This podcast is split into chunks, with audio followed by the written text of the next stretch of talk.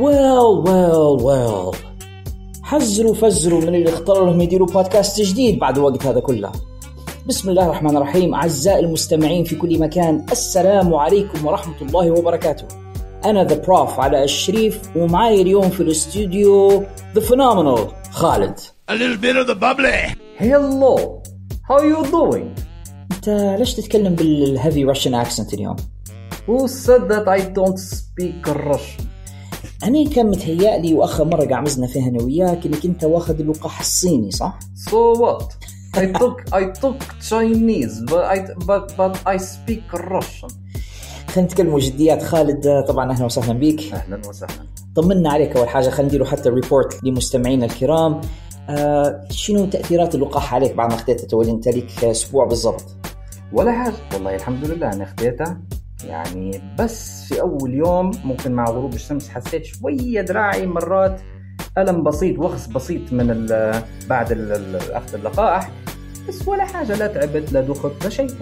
ما تحولتش إلى مغناطيس no. آه ما عيونك ما ولوش صغار كذا الصينيين؟ no did not happen ولا بديت تتكلم صيني أو كانتونيزي أو ماندريني أو أي حاجة من هذا؟ لا لا لا لا never happened. يعني نقولوا لمستمعينا اللقاح وما فيش خطر ومفروض يبادروا. بأنهم ياخذوا اللقاح. لازم ال- الجميع ياخذ اللقاح. لابد إنهم يطعموا. هذا راهو ضرورة. ما, ما فيش بصارة. ما تقوليش مش مقتنع. ما تقوليش ما نبيش. ما تقوليش لا ما نمرضش. العلم عند الله وحده. لابد إنك تاخذ اللقاح متاعك وتتوكل على الله. صحيح. وأنا ننصح الجميع بهذا الأمر دائما. واللي يقول وأي حد يقول لك لا ما تطعمش يا ودي هذا نعتبر فيه في القضية هذه إنسان متخلف. هو زي ما أنت قلت الآن الطريقة الوحيدة لنوصل للمناعة المجتمعية أن أكبر عدد من الناس يتلقوا اللقاح وبالتالي يمكن إحنا نحاصر هذا الوباء ونقضوا عليه. بإذن الله. ونسأل الله أن يعافي الجميع وأن يرفع عنا وعن بلادنا وعن جميع المسلمين البلاء والوباء وسيء الأسقام. اللهم آمين. نخش في موضوعنا لهذه الحلقة يا خالد. على بركة الله. NXT Take Over 36 The End? Could be. حيكون مؤسف جدا لو هذا آخر TakeOver بالطريقة اللي إحنا تعودنا عليها. طبعا أعزائنا المستمعين TakeOver هو بمثابة العرض الشهري الخاص بعروض NXT NXT خلال السنوات قدموا لنا مجموعة من هذه العروض ال TakeOvers كانت جميلة جدا وشفنا فيها مباريات وأداء رائع وأسطوري. NXT كانت تتميز بأنها تجميعة نجوم من ال indies أو من الاتحادات خارج WWE هذا الكلام قبل مولد AEW يعني جو ناس من TNA ناس من Ring of Honor ناس من ال indies الثانية. زايد شباب جابوهم من WWE بحيث يديروا بهم آه، كأن آه، عملية تطوير أو تكوين لنجوم جدد المفروض يصعدوا إلى العروض الرئيسية. لكن يبدو بأن مستر ماكمان له رأي آخر. هو فينس ماكمان طبعا معروف إن عنده شعوبية معناها هو عنصري. مستر ماكمان بين قوسين إن جاز التعبير ما يحبش البرانيين. جد هو ما أصلا من غادي مش مقتنع إلا بخريجي WWE. راندي أورتن على جون سينا على ذا ميز إلى آخره. أنتم فاهمين الفكرة؟ رومان رينز. طبعا هذاك مش بس خريج هذاك توا الابن المدلل. بالضبط. وهو زي ما قلت أنا الحلقة الماضية رومان مش شخصية بس مش مصارع قوي يعني في تحسن بس ما زال ناقصة هلبة هلبة شغل. فالبرانية إما انه انه يخضع إلى عملية format كامل يعني إنه هو يغير شخصيته اللي كانت عليها اللي كان المصارع عليها قبل ما يجي WWE أو انه حيمسح به الأرض. ومرات حتى ما يقبلاش أصلا يقول لك لا ما نبيش هذا. هو يجيب فيهم أعتقد بالدرجة الأولى باش يطلع بهم نجومه هو. إيه يعني إيه. شفنا على مدار السنوات يجوا نجوم من الاتحادات الخارجية. يعني ممكن نرجع بالذاكرة لأيامات كريس بنوا وكريس جيريكو والناس هذه. جابهم من دبليو سي دبليو لدبليو دبليو اف وقتها قبل ما يولوا WWE وبعدين شفناها بدا يحط فيهم مع اندرتيكر اندرتيكر الوقت كان بادي في آه، الانحدار في المستوى بتاعه حاطينه مع تريبل اتش اللي وقتها كيف بدأ يطلع يحطوا فيه مع ذا روك اللي في بداياته حتى هو. والشباب هذا من يجوا من ال indies هدفهم إنهم هم يبينوا المصارعين اللي يبي WWF وقتها الدفع بهم إن يبينهم إنهم هم مصارعين كويسين. بالفعل يعني مش بس حتى اللي جابهم من برا. اوين هارت الراحل كان يحطوا فيه مع مع ذا روك باش يساعده. يساعده إنه يبرز. خاصة بس- أنا قاعد شاب صغير بس وقتها حتى حتى حتى أوين تقدر تعتبره رجل من ال indies أوين صارع في اليابان صارع في اتحاد بوه اللي هو ستامبيد رسلينج صار في دبليو سي دبليو هذا. كله لما يجي لل WWF إذا نعم. نرجع لنفس النظرية لما نجيب مصارعين ما كونتهمش أنا لكن عندهم مهارات واكتسبوا آه، خبرة في الاتحادات الأخرى وبعدين يجوا نحطهم مع دبليو دبليو اف جايز اللي هم مش كويسين هلبا كمصارعين ولكن عندهم ال look والكاريزما وال يعني ال show business اللي يحبها فينس ماكمان.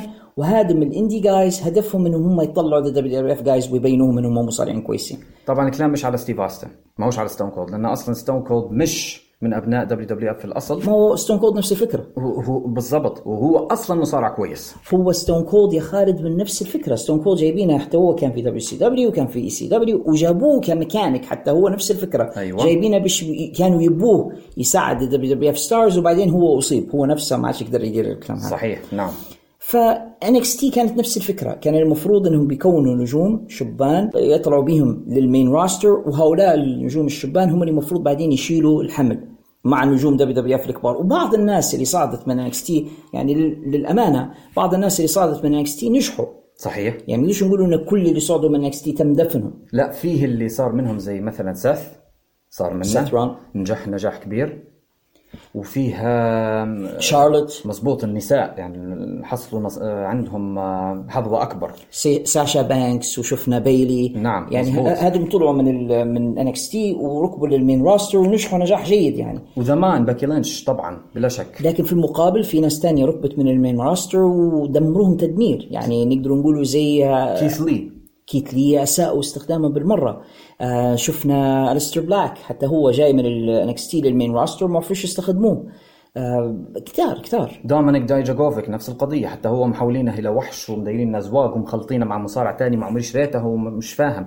في أيضا EC3. EC3 دفنوه. حتى في NXT ما طلعش. وكذلك كاريون كروس نفس القضية خلوه هزؤة وصولا إلى النقطة متاعت الآن اللي هي أن NXT بعد ما فشلت في حرب ليالي الأربعاء ضد AEW غضب عليهم. فينس ماكمان غضب شديد. وزي ما شفنا القناة أجبرتهم لقناة USA Network الانتقال إلى ليلة أخرى انتقلوا بالفعل إلى ليالي الثلاثاء بعد ما كانوا على الأربعاء وواضحة بسبب الهزيمة قدام AEW Dynamite.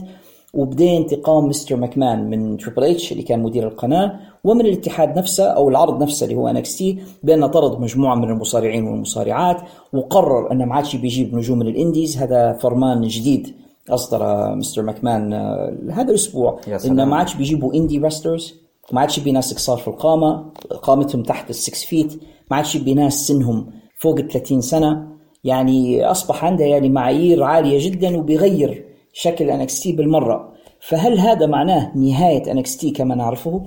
وأخشى نقول لك نعم وهذه في الحقيقة أقرب إلى أن تكون شروط نسيب الكاره خسارة والله. وهو بالفعل نسيب كاره يا خالد. فعلاً، يعني سبحان هو الله. نسيب Triple H وبان إنه كاره له.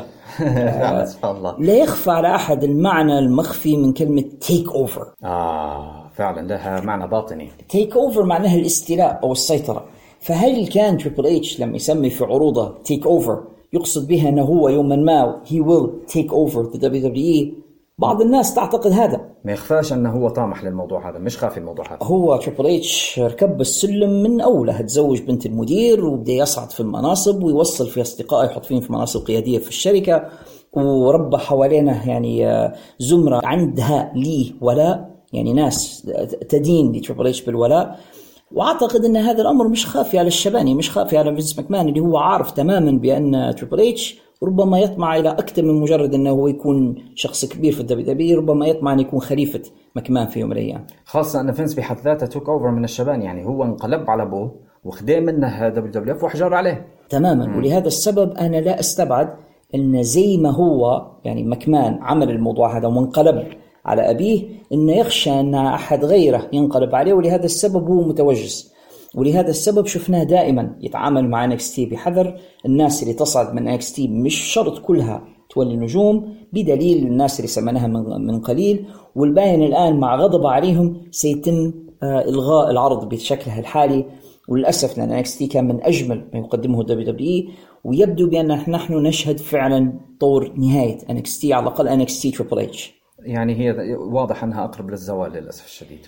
لهذا السبب أعتقد أن إحنا يا خالد بصدد آخر NXT TakeOver كبير. إلا لو إلا لو كان توقعاتنا خاطئة. ممكن جدا وارد جدا. لكن ال- اللي قدامنا الآن يبدو بأن NXT يشهد النهاية. بالضبط وفقا لما عندنا من معطيات ويعني معلومات وكذا إحنا نستنتجوا إن هذا فعلا ممكن يكون آخر pay-per-view ل NXT حتى كانوا يديروا في War Games هذه حتى كانت حاجة رائعة يديروا فيها خلاص ممكن هذا كل ال system هذا يتكنسل للأسف. أنا أتمنى صادقا أن نكون مخطئين لأن NXT مرة ثانية كانت من أجمل الحاجات اللي عندنا في WWE وكانت تقدم. لنا نكهة جميلة جدا. غير عادية كانت. إذا كان SummerSlam يا خالد قصة the good the bad and the ugly. الطيب والشرير والقبيح. فإني أعتقد بأن NXT TakeOver نقدر نوصفوه بأن قصة مدينتين أو قصة عرضين. حنشوفوا النقيض القطبي تماما للي صار في SummerSlam حنشوفوا مباريات جميلة تصاعد في المستوى كل مباراة أحلى من اللي قبلها. حنشوفوا professional wrestling بالدرجة الأولى مش معتمدة على ال storylines مش محت... مش معتمدة هلبة على ال show business على الإضاءة على ال entrances حنشوفوا pure professional wrestling وهذه اللي كانت الحاجة الحلوة في NXT أحسن شيء ثاني أيضا انه ب- يعني شهريات أو عروض NXT ما هيش أطول من ليلة بالعشاء زي عروض WWE اللي تفوت خمسة ساعات. لا شوي pre-show نص ساعة وبعدين العرض الرئيسي دون الساعتين ونص ويا سلام مباريات صرف وانتهينا بدون دراما بدون أي شيء ثاني short and sweet بالضبط. وهذه الحاجة الحلوة بصراحة لأن تو زي SummerSlam كانت متعبة بصراحة في المتابعة يعني هي بال kickoff طولها قريب خمسة ساعات أو أكثر شوية. صح. طويلة جدا ومرهقة جدا تبي بالفعل تبي تفضي لنفسك وقت باش تقعمس تتفرج على عرض خمسة ساعات الموضوع متعب. NXT جانا خفيف يعني. خصوصا إن SummerSlam كان خيبة ضخمة للأمل عندي أنا إلا من بعض المفاجآت. هو أنت سمعت المراجعة بتاعتنا ل SummerSlam it was mixed bag زي ما يقولوا بالإنجليزي. كانت في مباريات جميلة كانت في مباريات مخيبة للأمل كانت في حاجات نص نص. The good the bad and the ugly. بالضبط. لكن أعتقد أن NXT TakeOver هذا 36 غالبة إنها كانت مباريات ممتازة. بالفعل. خلينا نخش مع بعضنا يا خالد في العرض ونشوف إيش كانت المباريات واحدة واحدة وأنت حتساعدني في عملية التعليق والتحليل. بإذن الله. مباراتنا الأولى كانت في ال kickoff show أو في العرض ما قبل العرض الرئيسي. آه، فيها ريدج هولاند ومعاه بيت دون يواجه تري باكستر. هذه كانت المباراة الوحيدة في عرض ال kickoff أو ال pre-show. المباراة هذه كانت أقرب لأن تكون squash match منها إلا أي حاجة ثانية. يعني مباراة متاع يجيبوا واحد صغير، واحد jabroni يعني من الجبارنة على قولة أخونا عمر ويجيبوا له واحد عملاق يمسح به الأرض. هذا تري باكستر مصارع كويس أنا ذكر فيا هلبة بجماعة ال X Division زمان في Impact. مصارعة مليحة حركة خفيفة كويس جدا الشاب في ال- في الحلبة. الثاني هذا عكسه تماما واحد شكله زي أشرار آه، شارلوك هومز ولا باتمان وجاي بعصاه هيك وبارية وشكله مخيف حتى جسم. أنا ذكرني شوية من بعيد بال PCO ما نعرفش أنا هيك PCO اللي هو نجم Ring of Honor بالضبط. واللي هو أحد أصدقائنا درنا معاه حتى لقاء. يمكن لمستمعينا إنهم يرجعوا للحلقة 50 من هذا البودكاست حيلقوا لقائنا مع PCO طبعا جدير بالذكر إنه هو بطل عالم سابق في Ring of Honor المباراة تمت بسرعة. طبعا هو كان بصحبة بيت دون وبيت دون مش عاجبني ال look بتاعه. مولي شكله زي الأرنب و- ومنقص وزنه مش عارف قريب 50 60 pound وهو غادي معلش هلبا لحم ومداير شعر هيك ال man bun بتاعه فعلا مولي شكله زي الأرنب. لكن المباراة كانت سريعة هلبا يعني ما حصلش هي بالفعل هي دقيقة و45 ثانية انتهت بفوز آه، ريدج هولاند. ريدج هولاند على الجدير بالذكر إنه كان لعيب rugby ولاعيبة ال rugby في معروفين يعني في ال British Islands يعني سواء كان إنجلترا أو المناطق هي في الكومنولث إنهم يعني ناس أقوياء وأجسامهم قوية. زي ال football الأمريكية بالضبط. أصلا ما فيش هذاك الفرق ما بين في الظاهر يعني. ممكن يكون في فرق في القواعد لكن في الظاهر ال rugby وال football مش شايف أنا. نشوف ال rugby حتى أقوى من ال football لانهم ما يلبسوش في الدروع. إيه، أعنف ما يلبسوش. في ال pads يعني يخشوا باجسامهم بس فنشوف فيهم حتى أكثر ضراوة وأكثر شراسة من ال football. إيه إيه players فعلا فعلا. squash match نقدر نقوله بالدرجة الأولى والباقي the kickoff كان مجرد يورونا في packages وفيديوهات لل build up وتسخين للمباريات إيه. لنصل إلى مباراتنا الأولى في العرض والمباراة الأولى كانت ما بين كاميرون جرايمز ومعاه تيد ديبيازي ضد LA Knight المباراة هذه مفروض على the Million Dollar Championship الحزام القديم يا خالد اللي كان يملك the Million Dollar Man وهو مش حزام رسمي في ال WWF هو حزام أو WW هو حزام آه، صانع زمان تيد ديبيازي يبي يعوض به إنه هو مفاز ببطولة العالم. فصنع حزاما مرصعا بالجواهر والماس والذهب وكان يدافع عليه بروحه وهيك حزام دايرة لنفسه وخلاص. الآن يرجعوا الحزام القديم هذاي وحامله حاليا LA Knight اللي إحنا نعرفوه بايلاي دريك مزبوط وحيواجه كاميرون جرايمز لكن في stipulation غريب. لو يخسر كاميرون جرايمز المباراة هذه تيد ديبيازي سيصبح خادم شخصي ل LA Knight ويوجد نوع من السخرية في هذا الموضوع كون أن زمان تيد ديبيازي فعل هذا مع مصارع آخر هو الأسمر فيرجل الذي هزمه وجعل خادم شخصي له. فهل يعني تدور الأيام ويصبح تيد ديبيازي خادم عند مصارع آخر؟ هو والله سبحان الله فعلا كيف كيف الحدثين يعني سبحان الله.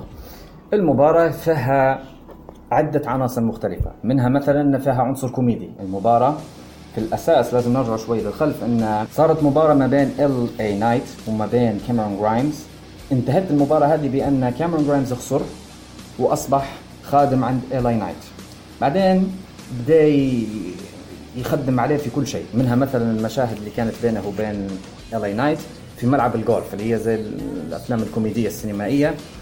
وكانت آه، تضحك المشاهد هذيك بقد ما كانت تبدو محزنه شوية لأن كاميرون جرايمز كان مسح به الأرض آه، نايت. بعدين تطور الأمر بعدين أصبح إن إذا خسر كاميرون جرايمز في المباراة بتاعتهم في TakeOver تيد ديبيازي the Million Dollar Man يصبح خادم عند LA Knight بعدين بدت المباراة. في البداية آه، أنا لاحظت طبعا إن ال look بتاع LA Knight في هذيك المباراة كان old schoolish كان لابس يذكر فيها اللي هو فيه زي the Ultimate Warrior زي هولك هوجن بالذات هوجن تقصد أنت الألوان يا خالد ولا لا؟ ال tights بتاعه لون ال tights بتاعينه وال boots. وأيضا اللون البرونزي بتاعه ذكرني بالمصارعين القديمة بتاع الثمانينات و WWF زمان هو فعلا خالد ال look بتاع LA Knight هو فعلا he has that old school look جسمه ال bronzage زي ما تذكرت tights boots لما يدير في ثيمة ألوان مثلا كلها أحمر أو كلها أصفر أو كذا فعلا يذكر فيه وأنا نشوف فيه بهوجن زمان بواريور زمان ماتشو مان راندي سافج زمان. ال look بتاع ال look بتاع wrestler حتى ستينج زمان. حتى ستينج ممكن نقدر نقول زمان. ال look بتاع ال look بتاع wrestler وهي هو فعلا he's throwback لمصارعي العهد السابق يعني لما تشوفها زايد إن ال promo style بتاعه طريقته لما يشد المايك ويتكلم مزيج غريب ما بين ذا روك ستون كولد ستيف اوستن حتى حتى ال gear بتاعه زي ستيف أوستن زي ذا روك زوز مع بعض. لما يخش الحلبة يبدأ يدير في حاجات زي ذا روك وستيف أوستن ويجيب فرمله زي بتاع ستيف أوستن.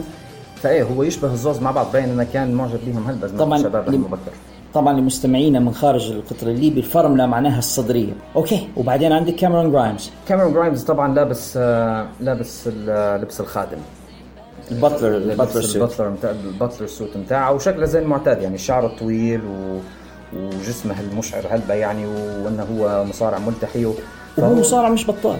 مصارع ممتاز مش بس مش بطال. جد فترة كان undefeated جد فترة كان يغلب في خصومه في ثواني بالحركة الشديدة ال front foot stomp هذه بتاعه ولا شنو يسميها. الشقلبية اللي يدير فيها. الشقلبة هذيك. أنا تفاجأت في المباراة بحاجات. المباراة رينا فيها حركات تقنية ممكن. رينا فيها أيضا حركات طائرة. أنا تفاجأت LA دار حتى moonsault كويس. مع إنه هو هيك ضخم ومعضل لكن قدر يدير حركات اللي زيه ما نتخيلوش إنه حتى يعرف شنو هي أصلا. فوالله وكان ال chemistry بيناتهم والله كان ممتاز. ال finish كيف صار لو تتفكر؟ هو تيد ديبيازي الثعلب العجوز كان له يد في ال في ال خسارة LA Knight لأن LA Knight هو اللي خسر. مما قاد في النهاية إلى أن كاميرون جرايمز أصبح هو بطل المليون دولار الجديد و LA Knight خسر كل شيء خسر خادمه وخسر الحزام وخلاص يعني. المباراة هذه انتهت في 16 دقيقة و31 ثانية. كانت مباراة كويسة مباراة افتتاحية جيدة. نعم. فتحوا بها العرض. كانوا موفقين فيها. أعتقد إنها تحظى بنجمتين ونص ممكن ثلاثة نجمات. قديش تعطيها أنت؟ أنا كنت حاطيها 3.75 3.75 إيه إنها كان فنيا المباراة رائعة.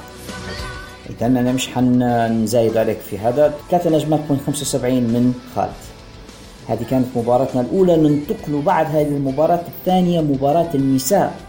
الخاصة ب NXT البطلة راكيل غونزاليس تدافع ضد صديقتها السابقة إذا كانت فعلا صديقتها داكوتا كاي.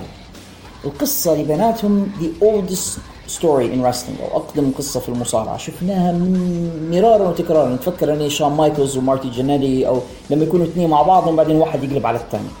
هم داروا لنا قصة أن داكوتا قلبت على ريكيل والآن داكوتا تبي تنتزع حزام بطولة النساء من ريكيل ريكيل جونزاليس طويلة قوية البنية وأعتقد إن داكوتا كاي مش زيها خالد. زي اقرب لها تكون قطوسة.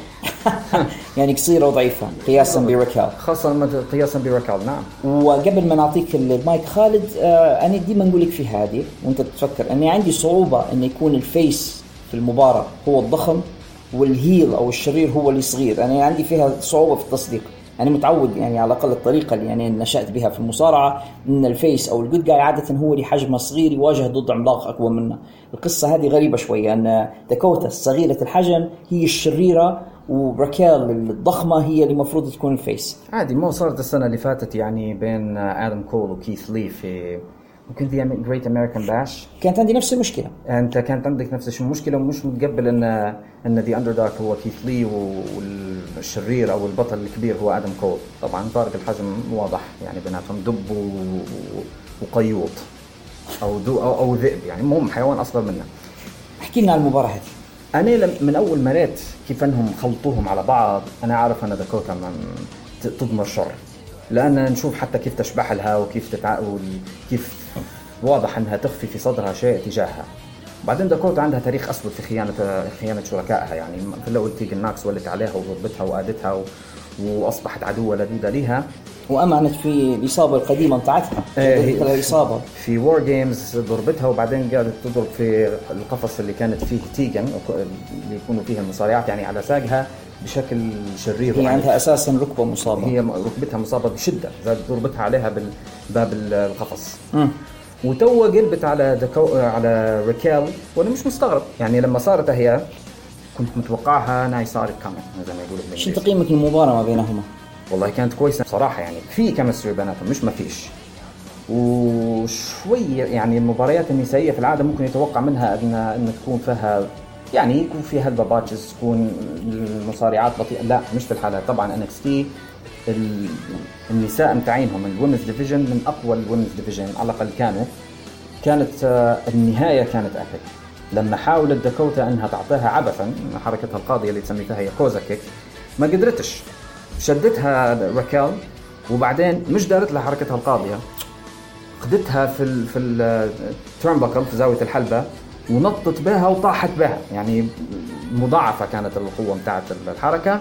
واحد اثنين ثلاثة وما زالت هي البطلة. وانتهت بهيك في 12 دقيقة و24 ثانية. وراكيل جونزاليس ما زالت بطلة نساء NXT ما زالت. إيش تعطيهم أنت من تقييم في هذه المباراة؟ نعطيها ثلاثة ونص. ثلاثة ونص.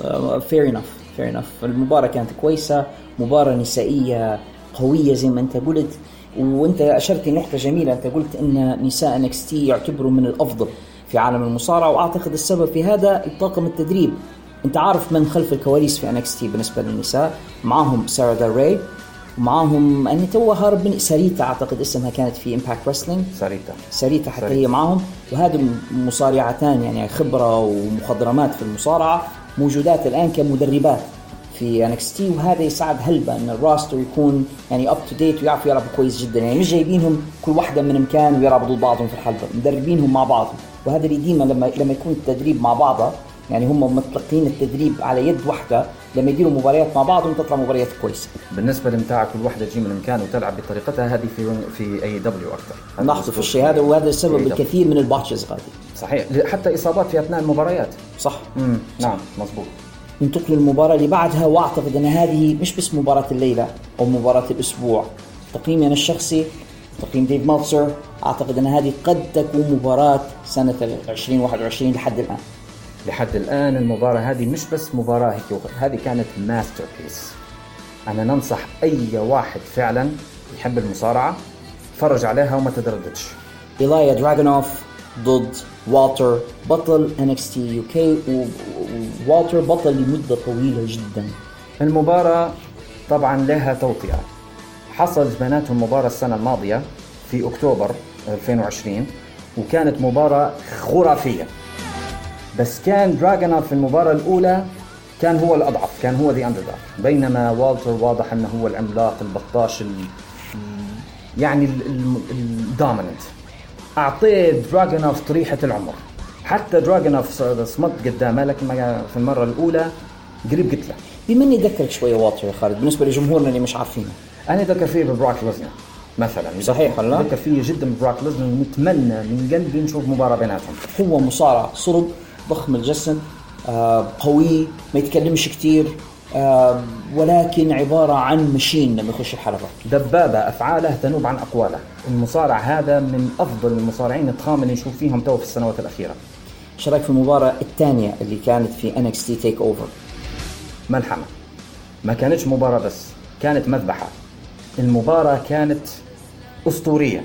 والله كانت أسطورية strong style بكل معاني الكلمة صرف المباراة ما نشوف حتى في اليابان في مباريات ممكن مش هيك.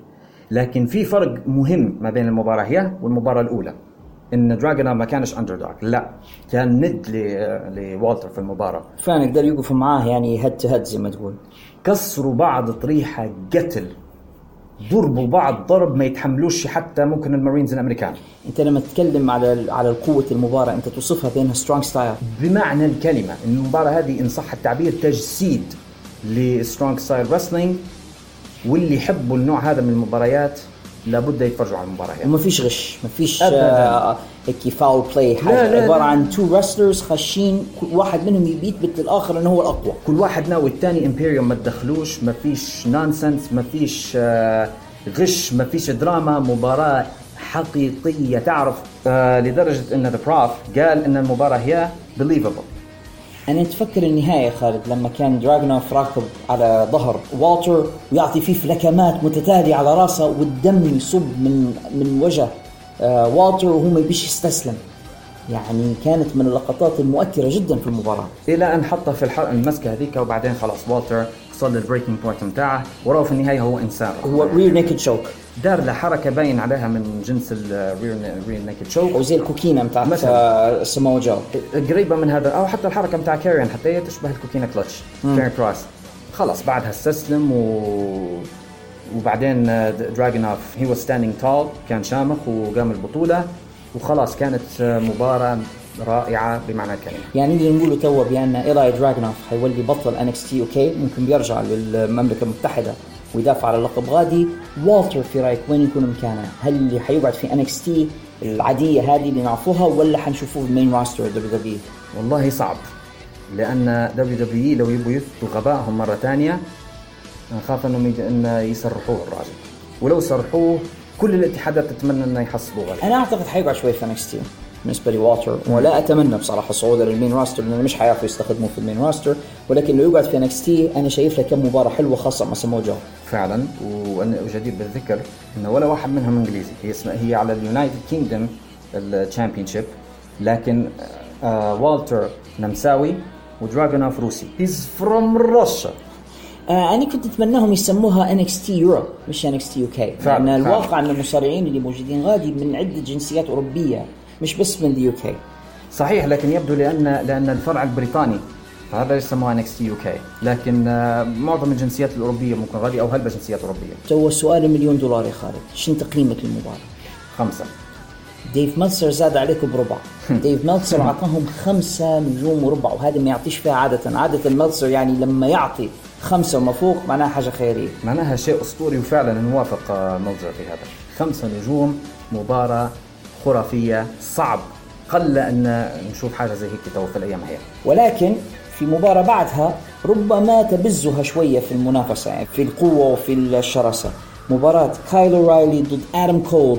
وفكروا هم إن يديروها مباراة 2 out of 3 falls يعني حيلعبوا ضد بعضهم. اللي يقدر يثبت الثاني أو. يجبر على الإخضاع. مرتين من أصل ثلاثة هو الفائز. حيديروا ثلاث انواع من المباريات. المباراة الأولى مباراة traditional wrestling أو مباراة عادية. المباراة الثانية حتكون street fight المباراة الثالثة إذا لزمت لأن لو واحد فاز مرتين خلاص انتهى الموضوع. لكن لو واحد فاز هيك الثاني فاز هيك حيرجعوا للمباراة الثالثة اللي حتكون steel cage match قفص الفولاذي كايل أورايلي آدم كول الاثنين من شباب ROH في الأساس جايين من غادي مصنع النجوم الحقيقي Ring of Honor الاثنين كانوا زملاء في فريق The Undisputed Era الآن نرى العداوة من بينهما. خالد take it away ال build up رائع. عجبني فعلا كيف إعداد المباراة والقصة اللي بيناتهم. يسموا فيها grudge اللي كانت بيناتهم رائعه حاجة ممتازة. الإعداد كان حتى لو أنت ما تفرجت على شيء وشفت ال build up ال build up بتاع المباراة هذه حتفهم كل حاجة إن شاء الله. مباراة build up ممتاز. إعدادها وإخراجها وحتى كيف عنصر ويليام ريجل لما يخش بال قال ان steel cage ممتازة ممتازة. كلها رائعة. بتاع هيك أنا يعجبني. نبدأ أنا مثلا مش متفرج حتى شهر نجي نفهم يعطوك ملخص اللي صار بين المتنافسين. هذا رائع. الشغل اللي في NXT في في الفترة هي ممتاز. عبارة عن ال simple story يسهل على أي حد يفهم الفكرة والغاية والغرض مصارعان يبغوا يغلبوا بعضهم تماما خلاص تماما من غير مش واحد جاي من الفضاء وعروسة تتكلم وتغمز لا لا لا لا, لا, لا الهبد هذا NXT غالبا ما عندهمش منه أو هلبا من الأحيان ما عندهمش منه التفاهة. شنو تقييمك للأداء داخل الحلبة؟ Ring of Honor quality من الآخر مع أن المباراة كانت في الأول. أول واحد ثبت أو حصل واحد كان كايل أورايلي وأنا ما فهمتهاش كيف. كانت سريعة لدرجة اني ما انتبهتش إمتى حصلت هو حصل بتاع تثبيتة سريعة. زي من جنس ال school با school boy بين roll up بالضبط. بعدين آه، آدم فاز بالطريقة العادية إنه هو دار في fight في في المباراة الأولى traditional كايل هو اللي فاز ب roll up سريعة. الثانية اللي هي street fight آدم فاز بطريقته بالحركة القاضية بتاعه and square مع انها street fight لكن فاز بالتثبيت واحد اثنين ثلاثة قبل ما ينزل القفص وقبل ما يهيئوا المباراة أنا قعدت نفكر بيني وبين نفسي علاش القفص نزلوه؟ هو هو من فاز وصلنا للثالثة بعدين الحمد لله جماعة NXT داروا لك ملخص سريع وهذه حركة ممتازة داروها كيف فاز كايل وكيف فاز آدم. بعدين قلت آه okay تو تو فهمت. بعدين لعبوا مباراة ال steel cage وطبعا كانت ممتازة. وآدم في الأول كانت ليه اليد العليا وربط كايل وقعد يهذب فيه وقعد يقول هيك في كلام لكن بعدين كايل فاجأنا إنه قدر يدير submission على رجل آدم خلاص. قعد قعد قعد لين الراجل ما عادش قدر يتحمل فاضطر إنه هو يستسلم. وبهذا يعتبر تو كايل أورايلي فاز باثنين من ثلاثة أصبح هو تو الفائز في هذه هو اللي فاز في المباراة. وهذه أعتقد آخر ليلة لآدم كول في NXT هذه آخر مباراة ليه وممكن تكون آخر ليلة ليه في WWE والأخبار اللي عندنا وحن إن شاء الله نتكلم في بودكاست في الحلبة بالتفصيل على موضوع تعاقد آدم كول. يبدو بأن آدم كول خلاص يعني انتهى مع WWE وربما سنشاهده في AEW هو حقيقة الأمر بالإضافة إلى أنه هو يقدر يدير مباريات ممتازة في AEW وفي لي مجال أكبر في AEW أنا لا أعتقد بأن مصارع بحجم آدم كول الصغير نسبيا ينفع في WWE main roster فينس ماكمان سيدمره. لأن فينس ماكمان عقليته متخلفة. رجعي جدا جدا. هو ماكمان في دماغه المصارع لازم طوله 180 فما فوق ضخم كذا عضلات. وادم كول حجمه صغير بالفعل يعني فما يمشيش مع تصور فينس ماكمان لنجم المصارعة اللي هو يعتبره يعني أسطورة أو يقدر يسوق به. كلهم لازم يكونوا عند فينس لازم يكونوا زي هوجن وإلا مش حتنفعني في شيء على كما يقول. حالات ربما نادرة جدا يعني ري ميستيريو براين دانيلسون اللي يسموا فيهم دانيال براين. بس هذه حالات نادرة. يعني هذه شواذ في القاعدة العامة. العام القاعدة العامة يبي عمالقه ويبي ناس كبار. آدم كول حتما ما هوش عملاق. فلو وصل لل main roster يعني وخاصة من غير حماية Triple H حي حيضيع غالبا غالبا حيكون ممسحة أقدام للأسف. شو تقييمك المباراة؟ أربعة ونص. كانت مباراة كلاسيكية. مباراة ممتازة, ممتازة. قلت لك Ring of Honor quality من الآخر. Ring of Honor زمان quality pure match وبالنسبة لجمهورنا اللي ما يعرفوش قصد خالد بكلمة Ring of Honor quality زمان Ring of Honor كانت هي مقياس المصارعة. يعني لو مباراة مستوى Ring of Honor معناها مباراة أساتذة ناس ممتازين جدا. Ring of Honor كانوا يقدموا أفضل مصارعة في العالم. ما زلت نستخدم في المعيار هذا إلى اليوم وشايف إن المباراة هذه كأنها كانت في Ring of ما كانتش في NXT وهذا الشيء الرائع اللي في NXT للأسف ممكن ما عادش نشوفوه ثاني اذا زي ما قلنا المباراة انتهت في 25 دقيقة و20 ثانية بفوز كايل أورايلي على آدم كول وصولا ل main event العرض؟ مباراة بطولة NXT العائد سمو جو ضد البطل كاريون كروس. الملفت إن كاريون كروس في ال entrance من غير سكارلت وليه فترة يجي من غير سكارلت أنا مش عارف شنو القصة بالضبط. ليش سكارلت اختفت من الصورة؟ انا شفناه لما ركب ودار كم مباراة في ال main roster في Raw كان يجي ويخش بروحها. توقعنا ربما في هذه المباراة تكون مع سكارلت ولكن حتى في هذه المباراة كان كاريون كروس منفردا. أنا يعني نفترض ممكن يكون غلط ممكن أصيب بكورونا البعيدة. هذا احتمال خاصة هم في فلوريدا وفلوريدا كاثر في هالقصص هذه.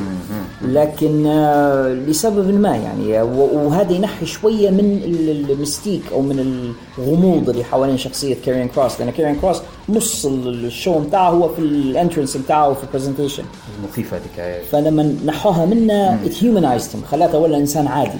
بس في تكتيم على الموضوع يعني ما, فيش أخبار. زي زي قصة على ساشا ما لعبتش مع بيانكا في SummerSlam في تكتيم على الأخبار. للآن ما فيش حد يعني لاخر ما كنت ندير في في research يعني حتى إعداد البودكاست الآخر اللي هو In The Ring ما حصلتش معلومة وما فيش حد يعرف تماما لماذا ساشا بانكس لم تظهر في SummerSlam لحد الآن. عجيب والله سبحان الله. وباين إن الوضع ما ما- يعني ما نقولكش هذا مش هذا تكهن مش يعني جزم. إن ربما نفس الحالة صايرة مع سكارلت. ما نعرفش الموضوع ولكن شفنا كارين كروس يأتي للحلبة واحدة لمواجهة سمو جو. ثم بعدين جاء الخاص طبعا المباراة بيناتهم صراع مرير. وعجبني إن كل واحد منهم يبي يقضي على الآخر. وفيه توتر وفيه غضب وفيه رغبة في إن كل واحد منهم يبي يسحق الآخر. وتبدو مقنعة القصة بيناتهم ملف interesting للغاية. انك انت لما تشوفهم مكي ضد بعض في الحلبة تقول أوه هذه حاجة هذه مصارعة اللي بنشوفها شنو هم زوز يبغوا يديروا أنا لو ما شفتهمش قبل وطلعوا قدامي في التلفزيون حنوقف نتفرج غالبا. ولجمهورنا اللي يحبوا يقولوا TNA ال كلاهما جاي من TNA الزوز وخاصة س- سمو جو خريج Impact خريج TNA وكاريون كروس الآخر محطة لي قبل ما يجي ل NXT كان في Impact Wrestling yes فهي غير النقطة بس للجماعة وعلى فكرة نسيت نقولها حتى مباراة إيلاي دريك اللي بكري أو إيلاي نايت و وكاميرون جرايمز حتى هم اثنين جايينك من Impact Wrestling أو من ال أو ال TNA فالناس اللي تضحك على TNA لا TNA خرجت لنا الكثير من النجوم النجمات اللي نشوف فيهم الآن في ال- في عروض WWE ودايرين شغل كويس. Impact و Ring of Honor في الجيل هذا شفنا هلبة مصارعين طلعوا من عندهم الآن هم اللي يتصدروا في المشهد في عالم المصارعة وهم, اليوم. وهم المصدر هم آه. الآن المصدر اللي اللي جاي لنا هلبة نجوم. إي نعم نعم. المباراة شو رايك فيها؟ ممتازة. مش طويلة لكنها كانت مباراة power الزوز كانوا زي ما قلت لك يبوا يدمروا بعضهم يضربوا في بعض بتحس حتى بغل. يعني مش عارف لو كان في بيناتهم آم، مشكلة في الحياة الحقيقية. لكن على كل المباراة كانت مباراة مصارعة متميزة. وسمو جو تمكن من الحصول على الحركة متاعته. the Muscle Buster اللي هي الحركة حركته القاضية الثانية. هذه خلاص بعدها كاري ما عادش يقدر يدير لها حتى حاجة. ما عادش ما عادش وتمكن. جو من تثبيتها. لكن أنا حسيت أن جو كان داهش في المباراة. هذه أول مرة نشوف جو تصير معاه هو السن عامل السن ليه أثر أكيد وجو راهو عنده إصابات حتى هو قديمة. لكن غير ملفت الانتباه يا خالد إن في بعض الناس كانوا يقولوا قبل ما جو يرجع ل NXT لما لما صرحوه دبليو دبليو أول مرة في ناس كثيره قالت إن جو مش قادر يصارع من جديد ولهذا السبب تم تسريحه اهو شفناه راجع ويلعب على بطولة العالم في NXT بل ويفوز بالبطولة. اذا أنا أعتقد إنه يبدو يقدر يصارع. وهذا رد صريح على المشككين لأن جو مش بس كان يقدر يلعب. جو كان يلعب بنفس الحركات اللي كان يلعب بها لما كان في العشرينات والثلاثينات غير بس إنه هو زي زي ما أنت قلت كان عنده واضح إنه عنده إصابات أو متعب أو في شيء مش عادي مع صاير حتى. وزنه زايد شوية ومن الصعب لما يكون وزنك آه، بهذا الشكل وتتحرك وتنقز وتقفز وت... يعني تتشقلب. في... وتتشقلب. فيها يعني حتى عبء على القلب يعني. أنا ريت شكله هيك شبحت هيك شوية فيه ركزت فيه قلت شكله مولي زي كيم جونج أون. المباراة انتهت ب 12 دقيقة و24 ثانية بفوز سمو جو أصبح سمو جو هو بطل NXT الجديد. شن تقييمك لها؟ أنا اعطاها أربعة لأنها كانت قصيرة نوعا ما. أنا حتى نحن نعطيها أربع نجمات وكانت أيضا مباراة رائعة. عندك ثلاثة مباريات في هذه الليلة. الثلاثة كل واحدة منهم ممكن تكون match of the year candidate مباراة إيليا دراجونوف ووالتر مباراة كايلو رايلي وآدم كول نعم. ومباراة سمو جو وكاريون كروس الثلاثة مباريات كل واحدة منهم بروحها ممكن تكون match of the year خصوصا آه، والتر ودراجونوف وكايلو رايلي وآدم كول. كانوا مباريات ممتازات. وجميل العرض هذا إنه كان عرض قصير يعني كلها كلها كلها ستة مباريات بما فيها الماتش بتاع ال kickoff show واحدة في ال kickoff وخمسة. في ال pay-per-view ما العرض ما كانش ممل ما كانش طويل ما كانش في فقرات ما لهاش داعي ما جاش مثلا شينسوكي ناكامورا يرقص هيك بدون سبب أو أو أو يطلع لنا The Miz and Morrison ويطلع لهم واحد من جماعة ال New Day ويضربوه بالمية. يعني كان مجرد كان مجرد مباريات match to match to match خلص straightforward ما فيش هرطقة ما فيش دراما ما فيش كلام فاضي مجرد مباريات مصارعة والقصة تحكى في الحلبة وانتهينا. أنا حكون حزين لما ينتهي عرض NXT وأرجو انه ما ينتهيش وأرجو أن يستمر NXT بهذا النهج لأنه لو انتهى عالم المصارعة سوف يخسر الكثير. والله الله غالب إذا حصل الله غالب.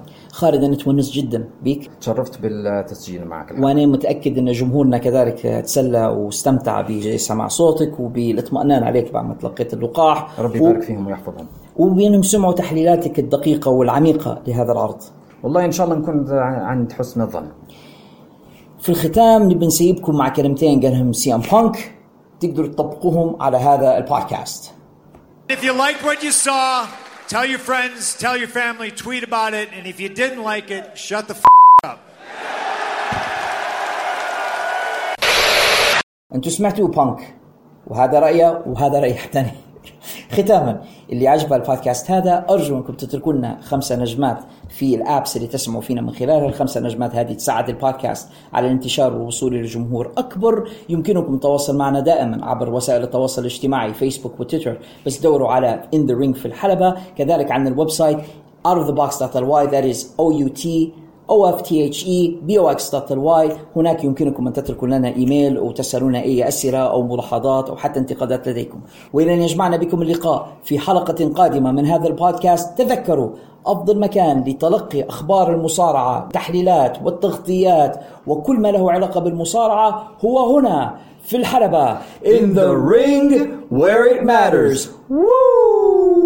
حنترككم مع لحن حزين شوية بس يعبر عن إحساسنا حيال NXT ورغبتنا أن WWE لا يقوم بإفسادها.